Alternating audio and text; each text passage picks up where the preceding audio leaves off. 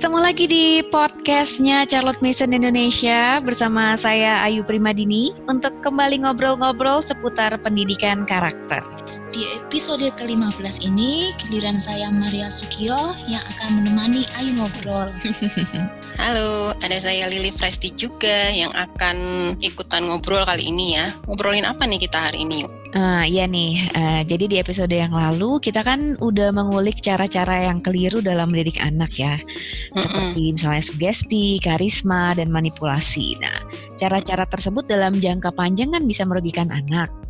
Jadi di episode kali ini kita mau bahas cara-cara seperti apa sih yang tepat untuk meluhurkan karakter anak yang efektif tapi juga sekaligus bisa menguatkan kepribadian anak.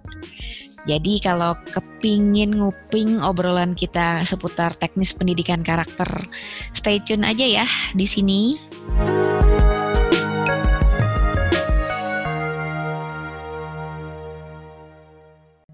Teman-teman ya, kita kan sebagai praktisi metode Charlotte Mason ini kan bolak-balik ya ngomongin soal pendidikan karakter gitu.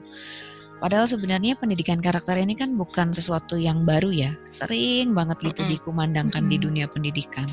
Sekolah-sekolah yang tagline-nya pendidikan karakter juga banyak. Terus metode-metode yang mengusung pendidikan karakter juga banyak. Bahkan pemerintah mm. sendiri juga menyebut-nyebut soal pendidikan karakter kan di kebijakannya ini. Benar. Nah, tapi yang perlu kita refleksikan ya, kita perhatikan, kita uh, renungi lagi lebih dalam gitu. Sebetulnya sama nggak ya sebenarnya konsep pendidikan karakter yang beredar di masyarakat umum ini sama pendidikan karakter versi CM? Hmm. Kalau sama di mana samanya, kalau beda bedanya di mana? Gimana menurut kalian? Hmm, kalau menurut aku nih kesamaan antara konsep pendidikan karakter yang dipahami masyarakat umum dengan pendidikan karakter versi CM itu sama-sama uh, pengen anak nggak cuma pinter secara akademis, mm -hmm. tapi juga berkembang di aspek non akademisnya.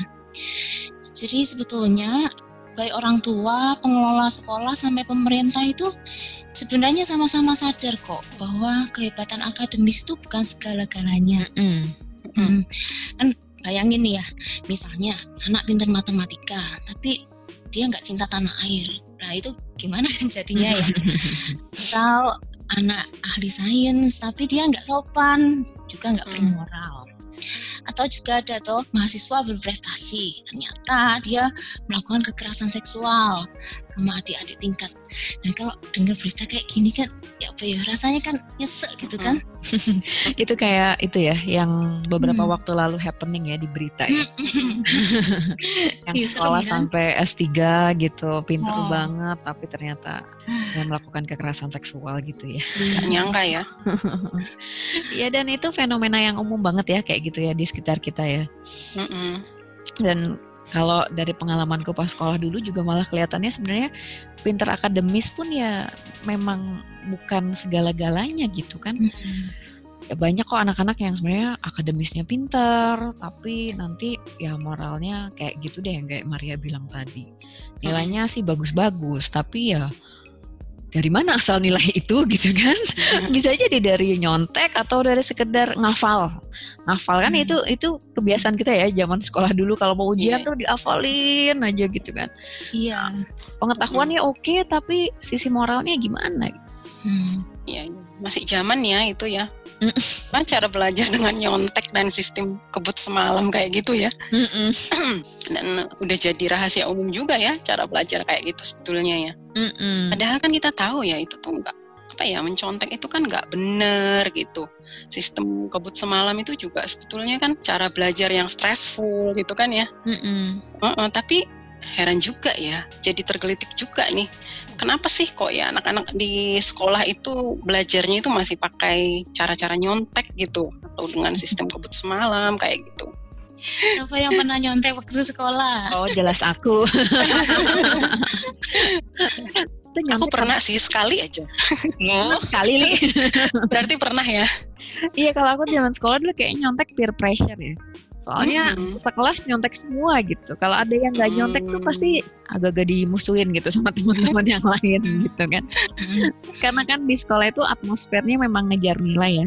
Hmm. Artinya um, patokan. Standar. Ya, artinya patokan untuk uh, anak itu bagus atau tidak sekolahnya kan dari nilai.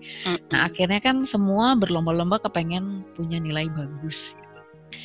Aku pernah ya nanya sama murid-muridku gitu kan, yang kayak mm. pertanyaan Mbak Ellen suka tanya tuh, kalau misalnya kamu dikasih uh, pilihan nih antara dua mau mm punya nilai bagus banget tapi nggak ngerti atau uh, bisa paham tapi nilainya jelek dan hmm. murid-muridku banyak loh yang bilang hmm, pilih yang nilainya bagus gitu. Artinya memang karena tujuannya nilai, jadi ya mencontek jadi sesuatu hal yang wajar ya, wajar, jadi ya. sesuatu hmm. hal yang dibenarkan karena kan tujuannya nilai. Hmm. Dan terus kalau aku tanya kenapa sih emang kepengen banget punya nilai bagus? Ya soalnya kalau nilainya jelek ya dimarahin orang tua. Gitu. Hmm. Kalau misalnya nilai jelek nanti mereka bisa nggak diajak liburan ke mana. Kalau nilainya jelek dimarahin, bahkan ada yang sampai dipukul kayak gitu kan. Jadi ya gimana ya tuntutan orang tua dan sekolah sama-sama supaya anak-anak itu punya nilai yang bagus. Hmm. Ya sih, benar juga sih. Ya kan gimana ya, memang nyatanya seperti itu ya. Kepentingan nilai itu ya memang bukan kepentingan orang tua juga sih kadang kan memang sekolah itu menjaga banget ya supaya uh, nilai ujian siswa-siswanya itu ya bagus-bagus mm -hmm. kalau sampai nilainya turun gitu ya nilai kelulusan nggak sampai 100% gitu itu kan otomatis berpengaruh juga ke citra sekolah lalu nanti pemerintah pemerintah juga punya kepentingan dan mereka juga ngawasi kalau misalnya ada sekolah yang nilai siswanya nggak bagus. Kalau sekolah bisa dipanggil loh, ditanya-tanya sama dinas. Dulu kan makanya pernah sampai terjadi kan kasus bocoran soal nilai yang ngasih pihak sekolah ya itu kan tujuannya supaya muridnya bagus semua nilainya lulusnya jadi 100% aku pernah itu kayak gitu tuh dulu tuh. Oh ya pernah ya? Dapat bocoran tapi bocoran sekelas dapat semua. Padahal pihak sekolah harusnya yang paling mengawal ya. Kalau aku dulu waktu ujian tuh pernah dia dulu apa pengawasnya sih yang ngasih jawaban itu. Jadi anak-anak tanya itu dikasih tahu? Aku ya heran kok gitu ya ya gitulah. Jadi kayak ini ya ada kesenjangan ya sebetulnya ya. Ada yang nggak sinkron gitu loh antara uh, harapan dengan praktek di lapangan gitu. Orang tua hmm. kan sebetulnya itu kan pengen anak itu ahlaknya baik gitu hmm. uh, punya karakter yang baik-baik lah gitu. Sekolah juga kan uh, udah lazim ya sekarang itu pen, apa tagline-nya kayak kata Ayu tadi pendidikan karakter gitu. Dan itu menarik kan buat orang tua gitu kan. Mm-hmm. Pemerintah juga nggak ketinggalan tuh sekarang kan bikin kebijakan itu ya mendukung pendidikan karakter. Jadi mm-hmm. kalau misalnya kita tanya semuanya itu uh, penting nggak atau mendukung nggak pendidikan karakter jawabnya itu ya iya penting banget ya uh, penting banget kami mendukung kok pendidikan karakter gitu nah itu kan secara normatif gitu kan meyakini kalau penting gitu mm -hmm. pendidikan karakter ini tapi ternyata dalam praktiknya itu kan nggak kayak gitu gitu. Ya seperti biasanya aja tetap mengutamakan akademis gitu. Bahkan kadang-kadang untuk apa ya pencap untuk mencapai suatu standar pencapaian akademis tertentu tuh udah nggak perlu lagi. Caranya etis enggak moral enggak gitu. Jadi kayak kata Ayu tadi ya nggak apa-apa deh mencontek asalkan nilaiku baik apa tinggi misalnya gitu ujian misalnya gitu kan mm -mm. tapi dibilang apa ya mengejar kemampuan akademis juga sih hasilnya juga gimana ya sebatas permukaan juga sih ya gitu loh. Mm-hmm. Pencapaian akademis dibilang bagus-bagus amat juga enggak gitu. Uh, cuma di permukaan aja gitu. Ya nggak peduli juga gitu. Apakah nanti anak itu uh, akademisnya tinggi, apakah karakternya itu jadi yang senang belajar atau enggak gitu kan? Jadi yang cinta pengetahuan apa enggak gitu. Ya yang pokoknya yang penting nilainya bagus aja deh gitu nilai segalanya ya. Uh, uh, karena kan diukurnya dengan standar nilai kan, mm -hmm, gitu. Mm -hmm. Bahkan karakter juga mungkin ada nilainya ya. Iya iya. ada banyak tuh kasus kayak gitu tuh di sekolah-sekolah. Jadi karakter pun dikasih nilai. -hmm. Dan sebenarnya ini problemnya di sini ya. Artinya pendidikan karakter tapi obsesinya akademis gitu. Hmm. Jadi hmm, pengennya hmm. karakternya bagus tapi nilai terus yang dikejar ya. Hmm. Orang anak bisa dianggap berpendidikan atau tidak atau pendidikannya baik atau tidak, oh ya ukurannya nilai ya. Hmm. Bahkan kalau kayak kita zaman sekolah dulu sekarang udah nggak ada kali ya yang namanya pendidikan moral Pancasila tuh kan ya PMP ya. Iya, ya. PMP. Isinya kan ya hafalan ya. Terus nanti tesnya ya pakai soal pilihan ganda nih. Misalnya Uh, jika ada teman yang berbeda pendapat denganmu, kamu harus A. menghargai, B. menyalahkan, C. mengucilkan, gitu kan misalnya. Terus kalau anak jawabannya betul, bagus, nanti dapat nilai 9. Nah, berarti uh -uh. moralnya bagus gitu. Uh, sesuai dengan nilainya ya. Aku dulu pernah punya temen ya, misalnya ditanya nih, kalau ada nenek-nenek menyeberang, kamu akan membantu A, membantu B, mendiamkan, C, mendorong gitu. Masa pertanyaan gitu. Temanku kan usil ya, terus dia jawabnya uh, B, mendiam aja. Soalnya nenek-neneknya juga nggak kenal gitu kan. dia dimarahin loh sama gurunya. Loh, tapi dulu tuh waktu kita mengerjakan begitu kan rasanya biasa aja ya kita itu. Hmm. Tapi sekarang ini loh kita merasa aneh ya kita dulu ngerjakan gini kok mau. Padahal dulu kayaknya ya biasa gitu kan. sekarang baru mikir ya. Ya ya mungkin itulah ya perbedaan antara konsep pendidikan karakter yang umum dipraktikkan dengan pendidikan karakter CM ini. Hmm. Sekarang ini kan orang itu seringnya menganggap pendidikan karakter tuh kayak um, mata pelajaran tersendiri. Aku inget tuh, zaman aku sekolah dulu, ingatku zaman SMP. Aku SMP itu ada yang namanya pelajaran budi pekerti. Kalian hmm. pernah dapat nggak? Pernah? Aku nggak. Etika enggak ya? Aku pernah sih etika gitu ya. Oh etika. Uh -uh, gitu ya. Uh, aku inget banget tuh ya dalam jadi dalam seminggu itu kami dapat jatah satu jam pelajaran budi pekerti. Hmm. Jangan tanya isinya apa ya, aku lupa aku. aku baru mau nanya, Mar, apakah setelah dapat pelajaran budi pekerti kalian Hah? jadi berbudi gitu? Nah, itulah yang aku inget tuh cuma guruku ceramah satu jam itu lalu hmm. kami siswanya tuh ya mendengarkan aja jadi sama sekali nggak ada yang aku dapat gitu loh ya ini ini cerita masa lalu. Nah dan biasanya kalau udah masuk ke mata pelajaran tersendiri kayak gitu kan pasti guru tuh udah punya modul-modulnya ya, udah hmm. dibuatin modul-modul hmm. gitu. Misalnya nih pelajaran tentang bertanggung jawab gitu kan. Hmm. Ini kan biasanya siswa disuruh nginget-nginget definisi bertanggung jawab itu bla bla bla bla gitu kan. Lalu ada contoh-contohnya cara bertanggung jawab itu yang seperti apa gitu kan. Jadi ya sudah nanti pendidikan karakter masuk berapa jam per minggu itu. Lalu ada tesnya yang tadi dibilang sama Ayu atau Lili tadi. Hmm. kalau dites entah teori entah praktek lalu anaknya dikasih nilai. Ya udah selesai. Jadi ibaratnya kan kalau anak nilainya bagus berarti otomatis dia udah bertanggung jawab. Kan kesannya begitu. Iya. padahal kan ya belum mesti juga kan Mm -mm. Bisa aja nilainya bagus, tapi naruh barang masih sembarangan gitu. Nah, Pulang itu. sekolah tas sama sepatu dilempar gitu doang. Gitu. Terus yeah. disuruh jagain adiknya malah mainan handphone gitu ya kan. Apakah itu perilaku yang bertanggung jawab gitu? Itu kan perlu kita renungkan ya sebenarnya kayak gitu ya.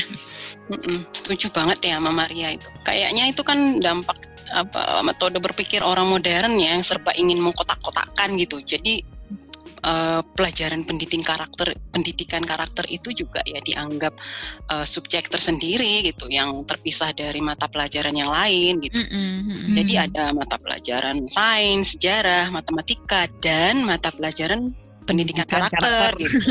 Kalau Maria tadi kan budi pekerti ya, ada yeah. mata pelajaran budi pekerti gitu.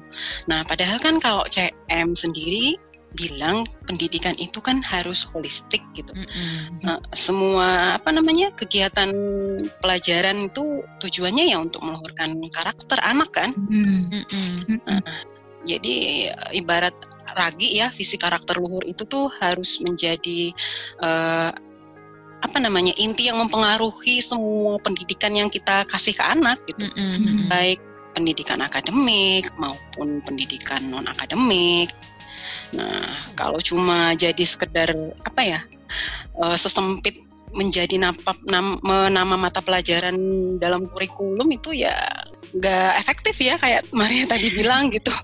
Udah belajar ketika jam pelajaran di sekolah, tapi ya belum tentu juga misalnya di luar jam pelajaran itu terbukti anaknya berkarakter seperti yang sudah dipelajari tadi atau enggak gitu.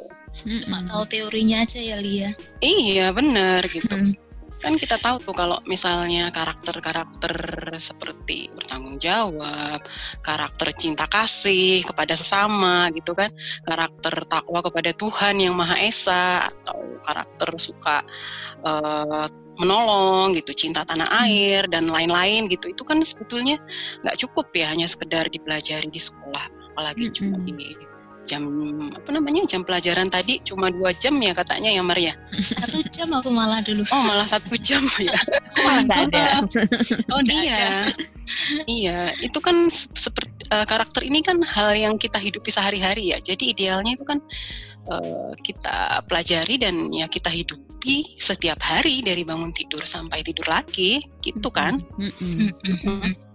Nah, iya sih bener banget sih. Aku mau menggarisbawahi soal holistik yang dibilang Lili tadi. Mm-hmm. Di situ yang aku pikir orang masih suka luput memahami ya. Mm-hmm. Kan kebanyakan orang mikirnya pendidikan karakter itu ya hanya berkutat di non akademis. Padahal mm-hmm. sebetulnya pendidikan karakter eh pendidikan akademis pun itu juga bagian dari meluhurkan karakter. Mm-hmm contohnya nih hmm. kayak matematika gitu kan hmm. sebenarnya kan itu melatih anak supaya lebih teliti hmm. lebih runtut berpikirnya hmm. lebih kreatif dalam problem solving hmm. atau misalnya kayak sains ya hmm. anak yang belajar sains itu idealnya akan semakin berkembang kemampuan observasinya hmm. menjadi semakin lebih peka lebih jeli juga semakin bisa melihat keagungan Tuhan hmm, dalam betul. semua karya ciptaan mm -hmm. misalnya kan gitu mm -hmm. nah apakah anak berkembang dalam sikap-sikap ini sebenarnya itu lebih penting kan dibandingkan mm -hmm. dengan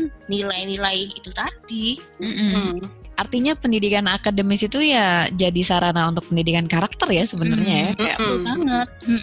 Bukan berarti pendidikan karakter tuh ada mata pelajarannya sendiri, tapi ya ya kotak-kotak ya, itu ya tadi. Harus dari akademis iya, dari orang tua iya, dari uh, semuanya lah ya, semua bidang sebenarnya bisa untuk berguna untuk menurunkan karakter. Menurunkan karakter, iya. Mm -mm.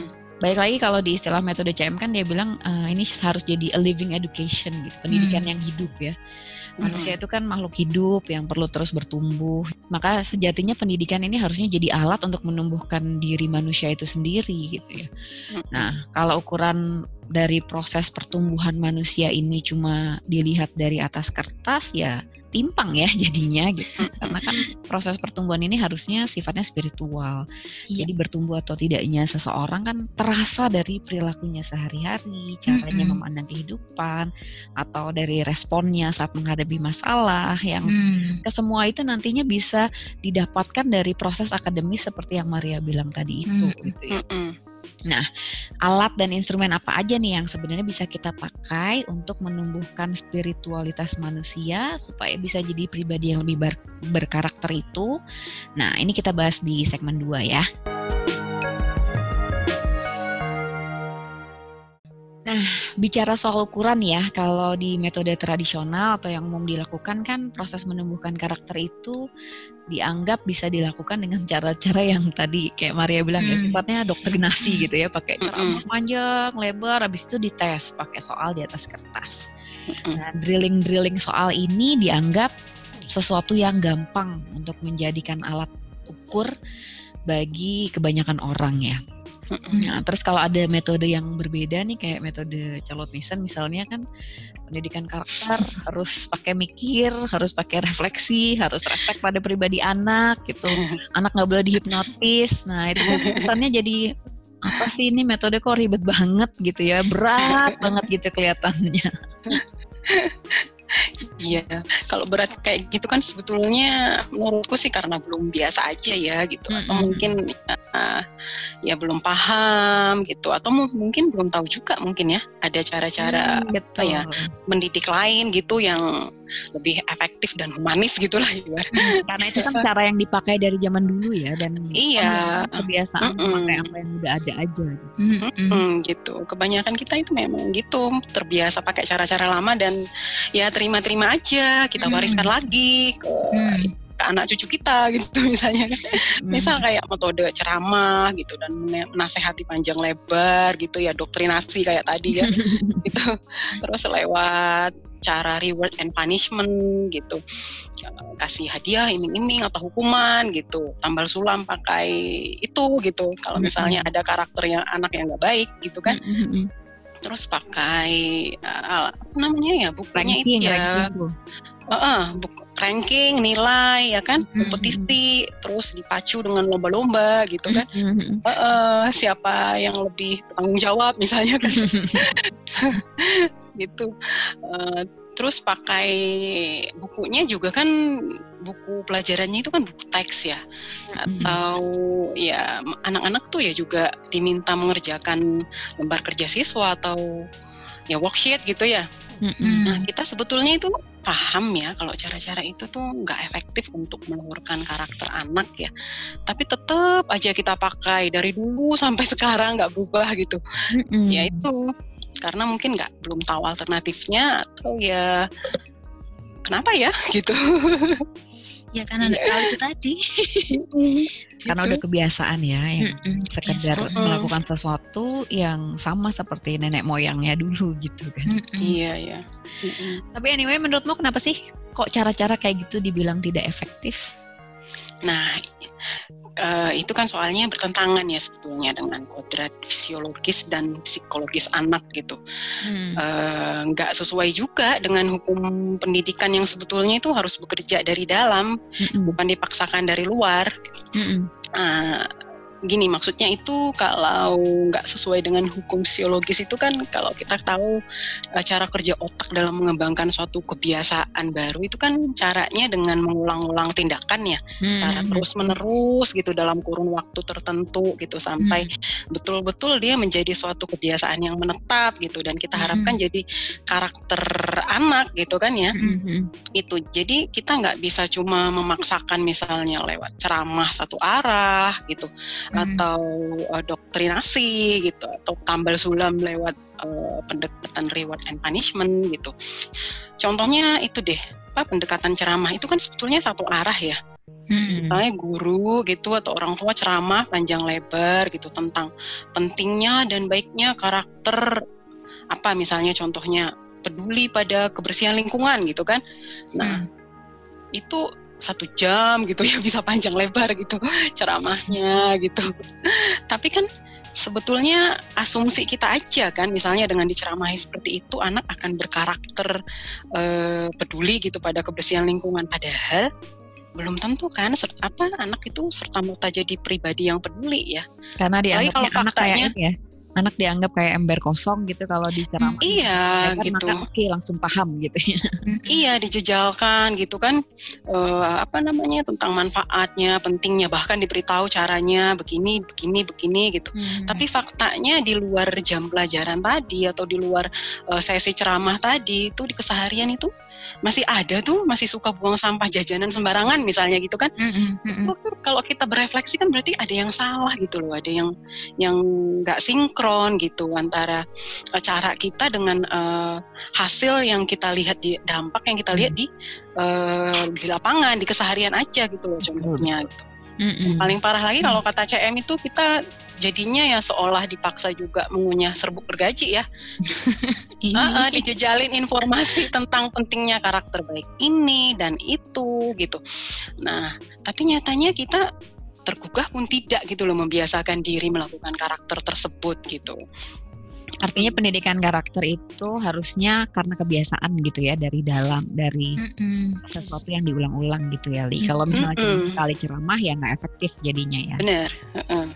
Belum kalau misalnya pakai apa namanya pendekatan uh, hukuman gitu ya. Kita lihat ada anak yang uh, perlu dibenerin nih karakternya gitu.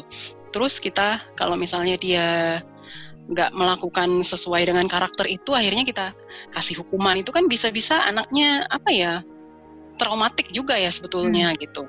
Jadi ya nggak efektif gitu. Hmm. kalau menurut aku sih ya kenapa orang menganggap pendidikan karakter seperti yang dibilang CM ini berat?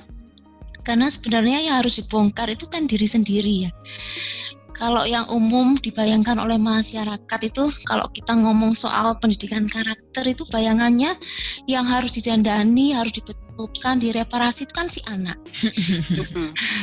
kalau CM ini kan enggak, dia menekankan menekankan banget pentingnya kita ini sebagai orang tua, sebagai pendidik menjadi kawan seperjalanan anak. Jadi yang diopo-opo bukan cuma anaknya tapi diri kita sendiri keyakinan-keyakinan hmm. lama kita dan ini yeah. Iya. menantang banget jadi kayak contohnya gini ya dulu awal aku memutuskan untuk mendidik sendiri anak-anak nih kan aku nggak pernah ya mikir soal ini kira ya kalau homeschooling gitu ya itu sesimpel menemani anak belajar gitu kan bayanganku hmm. kan kayak guru di sekolah gitu ya nemeni pokoknya ngajarin matematika ngajarin oh, sains pokoknya gitu ya, ya cuma nemeni gitu aja itu yang ada dalam bayanganku eh ternyata nggak sesederhana itu ya hmm. soal belajar gitu aja ya hmm. Dan gimana kita bisa mengharap anak jadi manusia pembelajar yang mencintai ilmu pengetahuan? Kalau misalnya kita sebagai orang tua itu mandek menjadi hmm. pembelajar, hmm. ya kan? Hmm. Nah ini baru soal belajar. Yang lain misalnya kita nih pengennya anak-anak kita jadi apa ya? Jadi orang atau jadi anak yang berkarakter teratur, disiplin, tahu menghargai waktu. Eh ternyata kita sebagai orang tuanya hidupnya amburadul, suka-sukanya. Kalau pas lagi mood rumah diberesin, pas lagi nggak mood rumah dibiarin berantakan. Mm -hmm. Kan gimana ya kita kan nggak bisa ya cuma sekedar nyuruh-nyuruh anak gitu maka menurutku istilah yang sangat makjub banget buat aku ketika awal-awal kami memutuskan apa homeschooling itu ya membesarkan anak itu ya membesar membesarkan diri kita sendiri dan hmm. rasa itu benar banget gitu loh hmm. proses mengopok-ngopok diri sendiri ini kan bisa jadi ya menyakitkan ya, membuat mm -hmm. kita ini jatuh bangun gitu. Tapi idealnya kan ketika kita udah jadi orang tua, kita udah punya anak, kita ini harus selalu memegang kesadaran untuk serius menjalani proses pendewasaan diri kita sendiri. Mm -hmm. Soalnya anak-anak itu bisa loh menangkap, merekam semuanya dalam benaknya gitu. Hmm, jadi Betul. ya, uh -uh. jadi percaya deh kalau kita sendiri sebagai orang tua selalu antusias jadi belajar misalnya anak itu nggak perlu disuruh-suruh akan otomatis senang belajar. aku sih merasa seperti itu. aku tuh jadi inget ini ya, aku lagi baca bukunya Richard O'Connor judulnya Rewire mm -hmm. gitu. Mm-hmm. Terus dia bilang gini, jadi di dalam diri manusia ini kan ada sisi conscious ya, sisi sadar dan mm. juga sisi tidak sadar ya. Mm. Nah, sisi tidak sadar ini, sisi unconscious ini uh, sisi yang di mana kita melakukan segala sesuatu perilaku kita sehari-hari itu berbasis uh, otomasi gitu, jadi otomatis mm. gitu kan.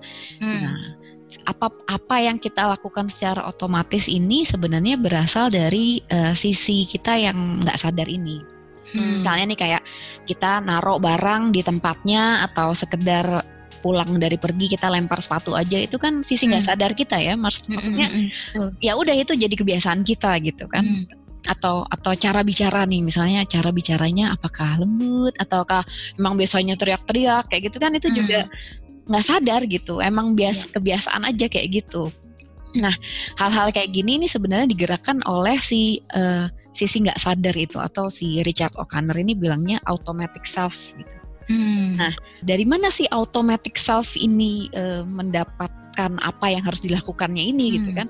Nah, dia hmm. bilang uh, paling utama si automatic self ini dapat dari influence atau atmosfer hmm. gitu. Hmm. Jadi ya si automatic self itu bisa tahu apa yang harus dilakukan, apa yang harus dikerjakan ya paling besar dari influence orang tua atau orang-orang hmm. di sekitarnya.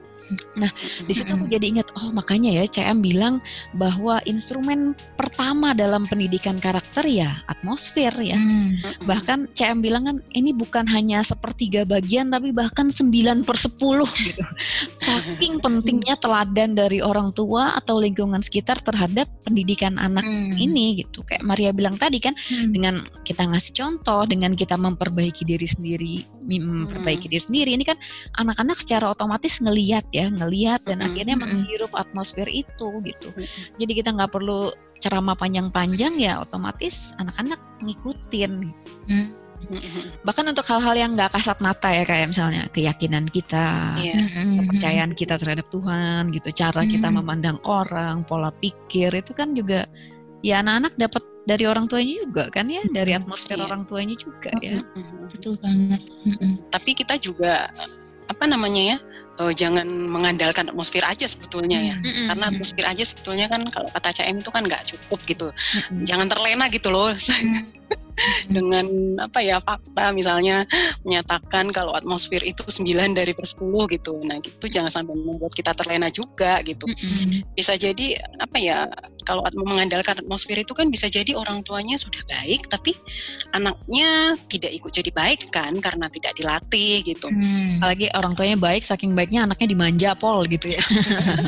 iya kan karena ya baik balik lagi baik anak ataupun kita sendiri sebagai orang itu kan pribadi utuh gitu kan. Hmm. Kita nggak tahu kan kedalaman hatinya itu seperti hmm. apa gitu meskipun misalnya kita sudah mencontohkan uh, yang baik-baik gitu sudah mengusahakan mengupayakan meneladani gitu ya yang baik-baik ya belum tentu juga semuanya itu akan diteladani anak kan kalau kita cuma mengandalkan atmosfer gitu Nah, atmosfer ini pasif ya sifatnya ya Lia. Mm-hmm. Iya, uh, uh, pasif kan kita cuma apa ya mengimani kalau anak itu akan mengikuti kita percaya deh kalau kita misalnya melakukan sesuatu yang baik ya anak juga baik gitu. Apa contohnya misalnya hal sederhana deh misalnya cuci piring gitu itu kan kita udah udah kelihatan rutin kan melakukannya sehari-hari gitu kan cuci piring gitu.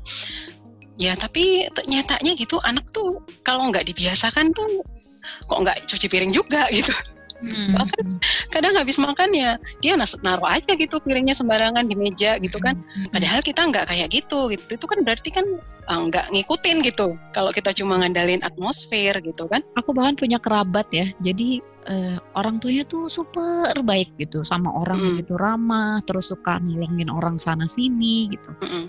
Tapi anaknya itu semuanya nggak ada satupun yang ramah seperti orang tuanya. Seperti orang tuanya. Bahkan kalau ada tamu datang gitu bisa loh uh, kita bertamu gitu ya ke rumahnya kita anaknya tuh buka pintu terus anaknya ngilang gitu. Jadi kita dibukain kayak dibukain pintu sama sosok tak kasat mata gitu kan. ya karena karena anaknya saking tidak menghargainya orang lain ya jadi begitu. Hmm. Padahal orang tuanya yeah. luar biasa baik gitu. Hmm. Jadi belum tentu ya kalau misalnya kita sudah uh, meneladani ataupun mencontohkan yang baik, uh, anak juga seperti itu gitu. Hmm. Karena ya itu tadi anak itu kan pribadi utuh ya. Masih ada faktor berikutnya faktor ya. Faktor berikutnya gitu. Uh -uh Apalagi makanya kalau misalnya kata CM itu kan kita juga harus menekankan aspek pentingnya disiplin ya, mm-hmm. uh, melatih kebiasaan baik gitu untuk bisa membuat anak itu menjadi tuan atas dirinya sendiri. Dia punya kekuatan dari dalam gitu. Kalau mm. misalnya cuma mengandalkan uh, mood orang tuanya atau kehendak orang tuanya gitu, ya ujung-ujungnya ya anak juga apa ya belajar jadi makhluk yang apa manusia yang uh, mengandalkan mood juga ya gitu Hmm. supaya so, itu ya tadi ya supaya uh, berkehendak gitu supaya suatu aksi itu jadi kebiasaan gitu ya hmm. dengan disiplin itu ya hmm. iya benar kan ingat nggak kalau kata CM itu uh, taburkan pikiran kita tuai tindakan ya kan taburkan hmm. tindakan tuailah kebiasaan taburkan hmm. kebiasaan itu tuailah karakter ya hmm. taburkan karakter ya tuailah nasib gitu hmm. dan dari dari apa ya pikiran gitu ya dari ide itu sampai ke nasib tuh perjalanannya masih panjang gitu jadi nggak heran kalau kata Ayu tadi orang tuanya itu kelihatan baik banget gitu tapi anaknya ya ternyata nggak serta merta juga seperti orang tuanya gitu karena dari sekedar dapat ide doang ya. uh, uh, gitu. Jadi, Idenya sih kelihatan ya atmosfernya mm, itu mm, ya hirup gitu kan. Ya tapi ya tindakannya mana gitu. Akhirnya kan nggak jadi kebiasaan dan nggak jadi karakter yang menetap. Akhirnya ya menjadi uh, sosok yang berbeda dari yang diteladankan orang tua kan gitu. Betul. Jadi kalau atmosfer tadi pasif, artinya orang tua tuh perlu melakukan suatu tindakan aktif ya supaya benar uh, menjadi sesuatu yang nyata, lebih konkret gitu ya, Mm-mm. dengan Mm-mm. tindakan melatihkan tadi itu ya. Mm-mm. Iya sih, berarti dua instrumen itu ya. Tapi sebenarnya ada juga sih instrumen ketiga yang tidak kalah penting, yang CM bilang education is alive. Mm-hmm. Ini soal peranan ide-ide hidup sebagai pembentuk karakter anak. Mm-hmm. Kalau CM bilang kan pendidikan itu hidup. Nah kalau kehidupan itu kan otomatis perlu asupan ya, asupan makanan. Kalau kehidupan pikiran, benak kita itu perlu juga dipasok dengan ide-ide. Ide-ide yang seperti apa ya? Ide-ide yang kaya, menggugah, menginspirasi gitu tuh. Uh, aku tuh ingat sih CM tuh pernah dengan tegas tuh mengkritik pemikiran yang menganggap fungsi pendidikan itu cuma menggembleng akal budi anak untuk mengeluarkan sesuatu, hmm. tapi hmm. nggak pernah ada tindakan untuk memasuk memasuk akal budi mereka dengan hmm. asupan hmm. apa pun hmm. gitu loh. Itu CM tuh mengkritik benar nih soal ini. Hmm. Nah, lalu kalau ditanya asupan ide itu dapatnya dari mana? Kalau CM bilang ya dari buku-buku terbaik yang di dalamnya itu memang mengandung ide-ide inspiratif, jadi punya daya hidup. Hmm. Jadi ketika anak membaca itu dia langsung mendapat kesempatan untuk bercakap-cakap dengan pemikiran orang-orang besar yang entah hidupnya membawa manfaat untuk orang lain atau yang mungkin pemikiran-pemikirannya mengubah dunia.